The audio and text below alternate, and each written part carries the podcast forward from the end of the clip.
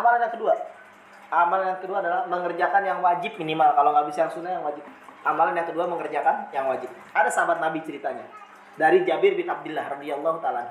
Jabir bin Abdullah bercerita bahwa ketika Rasulullah Shallallahu alaihi wasallam duduk bersama sahabat-sahabat Nabi, eh datang seorang sahabat Nabi namanya Nu'man al-Khuzai. Nu'man al-Khuzai. Nu'man al-Khuzai.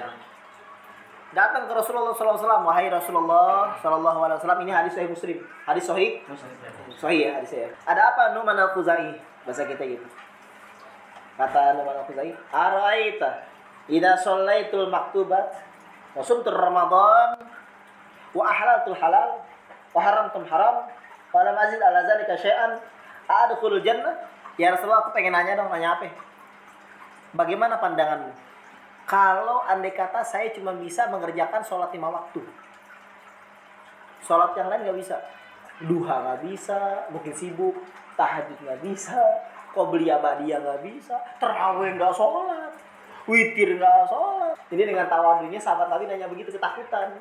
Kan kadang-kadang orang juga kan mungkin tahajud sekali dua kali nggak tahajud kan? Ketakutan seperti itu.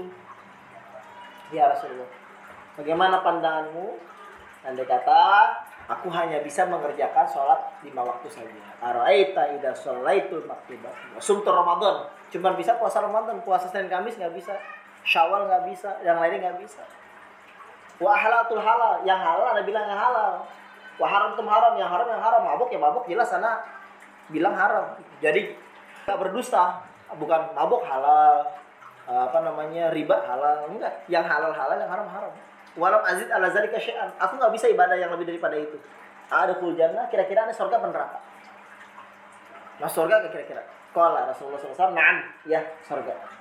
Berarti syarat untuk surga sebagaimana Nu'man al-Khuzai mengerjakan yang fardu. Minimal sholat lima waktu, puasa Ramadan dan dalam hadis yang lain, hadis Bukhari yaitu membayar zakat.